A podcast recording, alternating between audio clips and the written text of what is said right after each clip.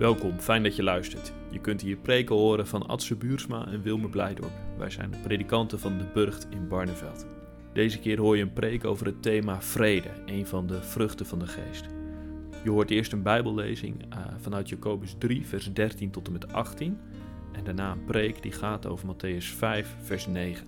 We hopen dat deze preek je opbouwt in je geloof. Zoals het uh, lied het bid wat je hoort. Hier is mijn hart, Heer. Spreek uw waarheid.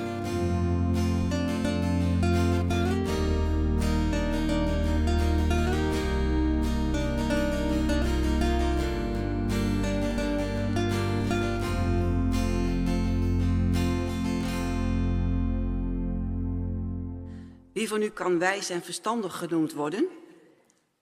Laat hij het daadwerkelijk bewijzen door een onberispelijk leven en door wijze zachtmoedigheid. Maar als u zich laat beheersen door bittere jaloezie of egoïsme, kunt u beter niet zo hoog van de toren blazen. U zou de waarheid geweld aandoen. Dat soort wijsheid komt niet van boven. Ze is aards, ongeestelijk, demonisch. Waar jaloezie en egoïsme heersen, vieren wanorde en allerlei kwaad hoogtij. De wijsheid van boven daarentegen is voor alles zuiver en vredelievend, mild en meegaand. Ze is vol ontferming en brengt niets dan goede vruchten voort. Ze is onpartijdig en oprecht. Waarin vrede wordt gezaaid, brengt gerechtigheid haar vruchten voort voor hen die vrede stichten.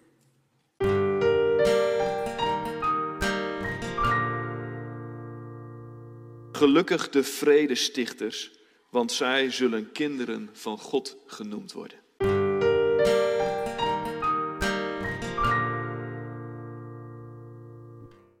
Heb je wel eens een uh, flinke steen in een vijver gegooid?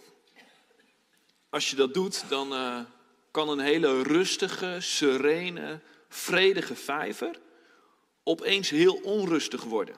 schokgolfjes van de klap van die steen raken de hele vijver aan en brengen beroering.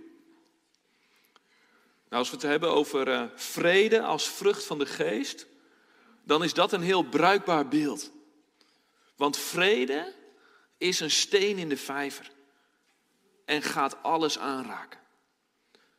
Jezus is die steen in de vijver. Jezus is onze vrede, zegt Paulus in de brief aan de Efeziërs. Hij is onze vrede en hij bracht ons vrede door het kruis. Vrede tussen God en mensen en vrede tussen mensen onderling. dat is de kernboodschap van de Bijbel.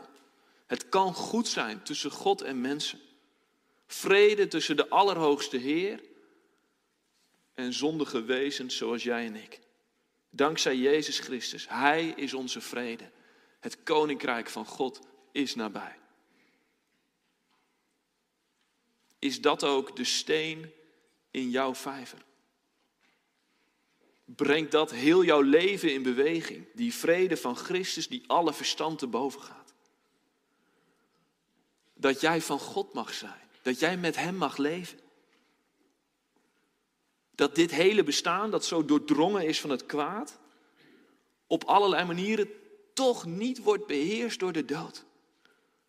Maar dat er vrede is. De vrede van het koninkrijk van de hemel voor een schepping die zucht. Dat niet de dood heerst, maar het leven. Jezus is de steen in de vijver van de wereldgeschiedenis. De steen in de vijver van ons hart. Alles wordt door Hem anders. Hij is onze vrede. En tieners, als je iets meeneemt uit deze preek, laat het dan dit zijn. Jezus is jouw vrede, jouw rust. Hij maakt alles anders. En de geest wil echt dat die vrede, dat dat doorwerkt. Wil dat de hele vijver wordt aangeraakt. Dat heel jouw leven, heel mijn leven, doordrongen wordt van die vrede van God. Dat er allerlei golfjes komen. En dat is de vrucht van de geest. Die vrede met God door Jezus, die mag, die moet uitwerken. In jou en mijn leven. En dat mag dus uh, heel die vijver van ons leven en samenleven aanraken. We hebben een stukje gelezen uit de brief van Jacobus. En eigenlijk is die hele brief daar een getuige van. Geloof moet geleefd worden, moet handen en voeten krijgen. En dat staat ook in dat stukje wat we lazen. Niet de wijsheid van de wereld, maar de wijsheid van boven. Die niets dan goede vruchten voortbrengt. En die wijsheid van boven wordt heel nadrukkelijk in die woorden verbonden aan vrede. Die wijsheid, zegt Jacobus, is vredelievend. En waarin vrede wordt gezaaid, daar brengt gerechtigheid haar vruchten voort voor hen die vrede stichten. Oftewel, als je in vrede leeft, dan breng je ook vrede mee. En dat komt door wijsheid van boven, door de kracht van de geest. Dus hoe is dat bij jou? Doortrekt de vrede met God jouw hele leven? Of is Jezus maar een klein steentje in de vijver die niet zo heel veel effect heeft? Af en toe op zondag een golfje van beroering, maar dat is het dan wel. Welk effect heeft de vrede met God bijvoorbeeld op jouw relatie met jezelf? Heb jij vrede met wie je bent? Kun je met genade en mildheid naar jezelf kijken? Hou je van jezelf? Kun je ook jouw zwakke kanten, je tekorten, je zonden, je zorgen, je angsten, kun je die zien in het licht van die vrede met God? Als God jou zijn vrede geeft, jij bent mijn geliefde zoon, jij bent mijn geliefde dochter, ja, dan kun je met andere ogen naar jezelf gaan kijken. Vrede van, met God mag doorwerken in vrede met jezelf. Als God met mij wil leven, nou dan kan ik het met mezelf ook wel uithouden, toch? Vrede met God mag je hele leven raken, ook je relaties met andere mensen. Mensen die jou het meest nabij zijn, in je intieme kring. Vrede met familie, met je partner je ouders, je kinderen, je meest nabije vrienden? Zijn dat de relaties in jouw leven die gekenmerkt worden door die vrede? Zijn het plekken van liefde, van veiligheid, van respect, van harmonie, van trouw? Besef dat de geest die relaties wil aanraken en doordringen van zijn vrede. En wat te denken van vrede hier in de kerk. Vrede tussen broers en zussen in Christus. En soms is dat nog intiemer dan die kring van familie. Is onze gemeente vol van de vrede die de geest geeft? De kring waar je deel van uitmaakt. Past dat woord daarbij? Vrede? Als wij elkaar ontmoeten, is dat dan vredig? De geest wil ook hier vrede geven. Dat vrede met God helemaal doorwerkt in hoe wij samen lichaam van Christus zijn. Ja, en het raakt de hele vijver aan. Die vrede met God wil ook de, onze manier van samenleven aanraken. De steen in de vijver die Jezus is, die wil uitwerking geven tot in de uithoeken van jou en mijn bestaan. De geest wil vrucht geven, terwijl jij je plek inneemt. Op je werk, in je straat, op sportclubs, op social media. En op al die andere plekken waar jij en ik zijn en komen. Dat vrede doorwerkt en alles in beroering brengt. Raakt vrede met God jouw hele leven. Jezus is onze vrede de steen in de vijver van ons zondige bestaan, waardoor alles anders wordt. Er komt vrede met God.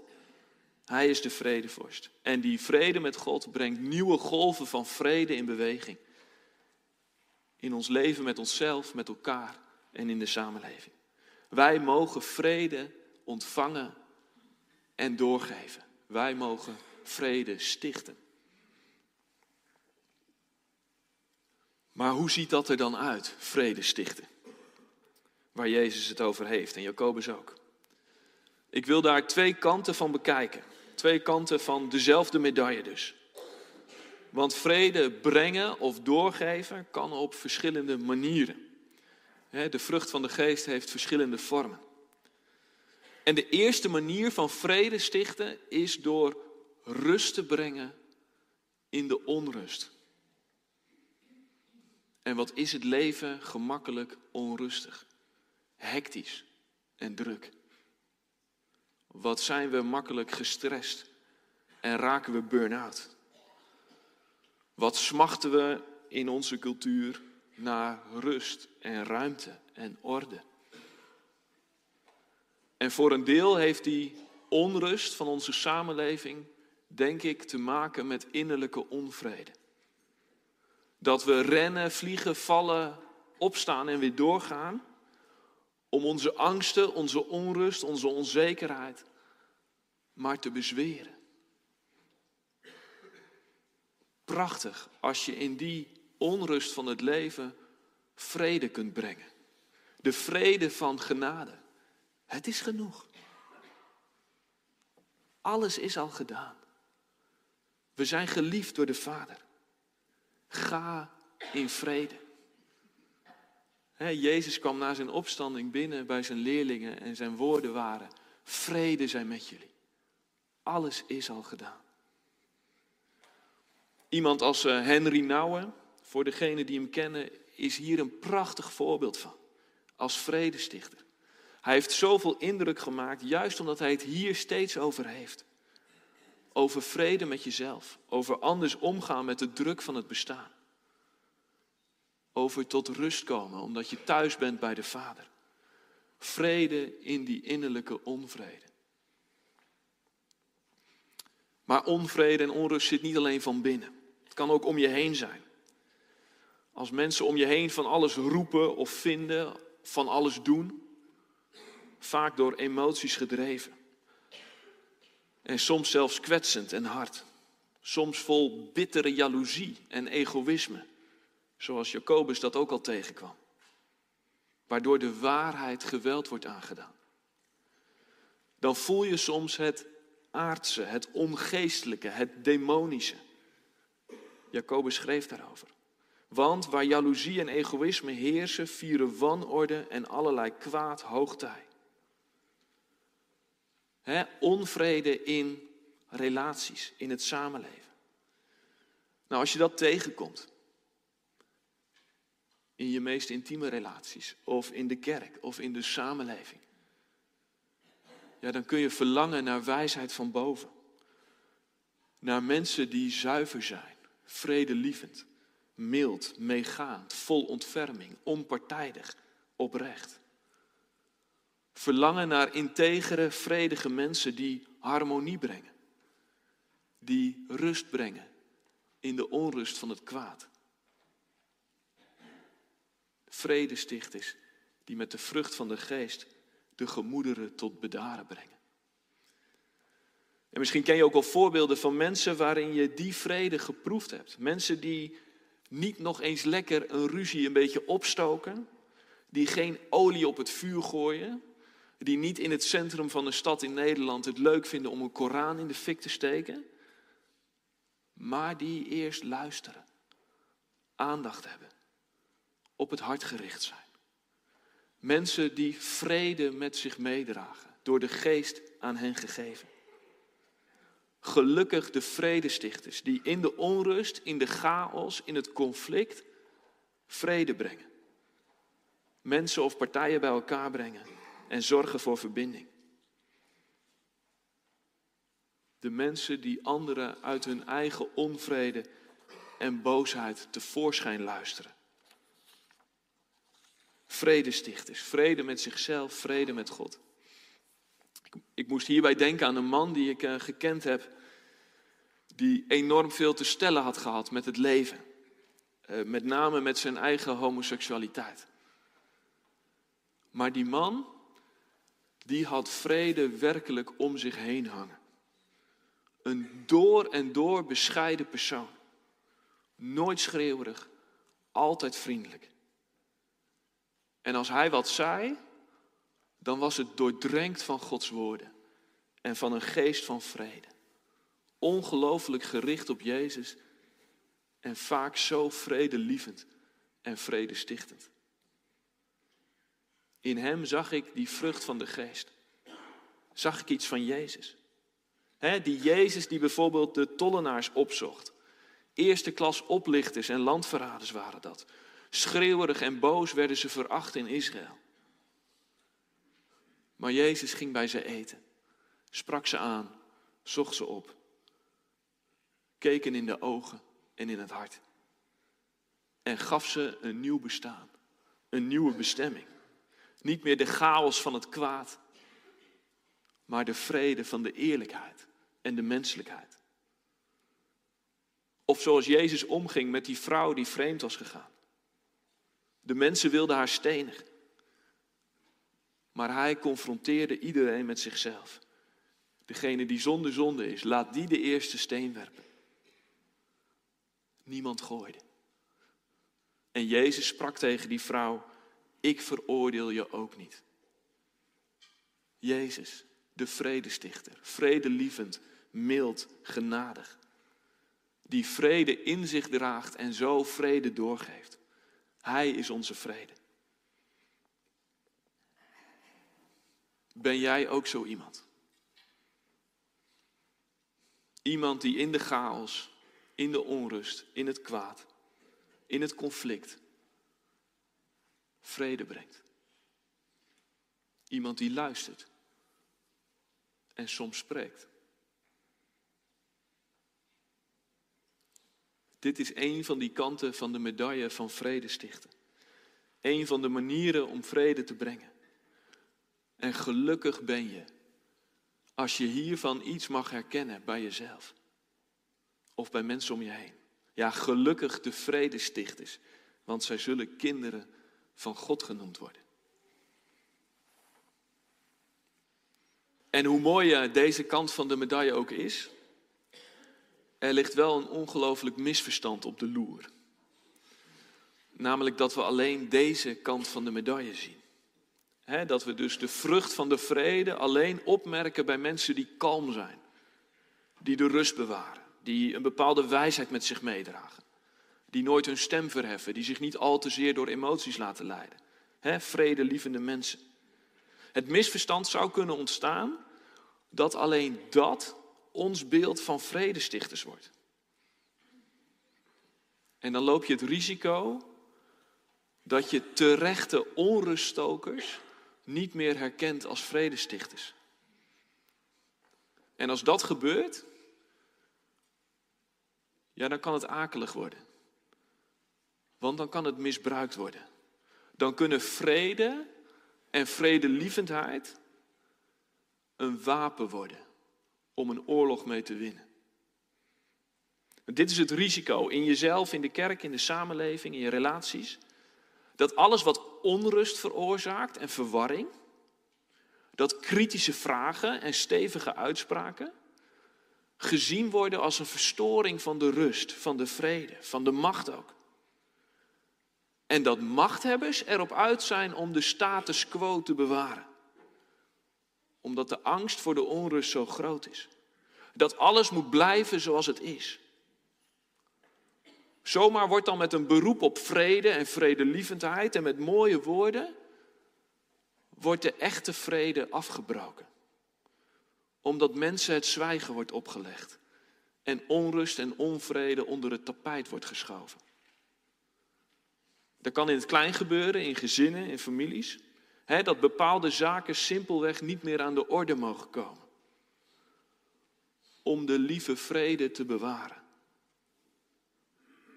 Terwijl de onvrede steeds grotere vormen aanneemt. Dat kan in kerken gebeuren als mensen hun twijfels bespreken of hun boosheid op God. En als daar dan overheen wordt gepraat met makkelijke antwoorden of bezwerende Bijbelteksten. als die eerlijke vragen en gevoelens onder het tapijt geschoven worden. God is liefde, de Bijbel is waar, dus stel maar niet zulke moeilijke vragen. Het gebeurt in de samenleving als politici of groeperingen opstaan die onrust veroorzaken, die actie voeren, die hun stem verheffen. En als de macht, als de samenleving hen dan gaat tegenwerken. Misschien wel door heel hard te roepen dat we het samen moeten doen en dat we lief tegen elkaar moeten zijn. Maar de onvrede groeit.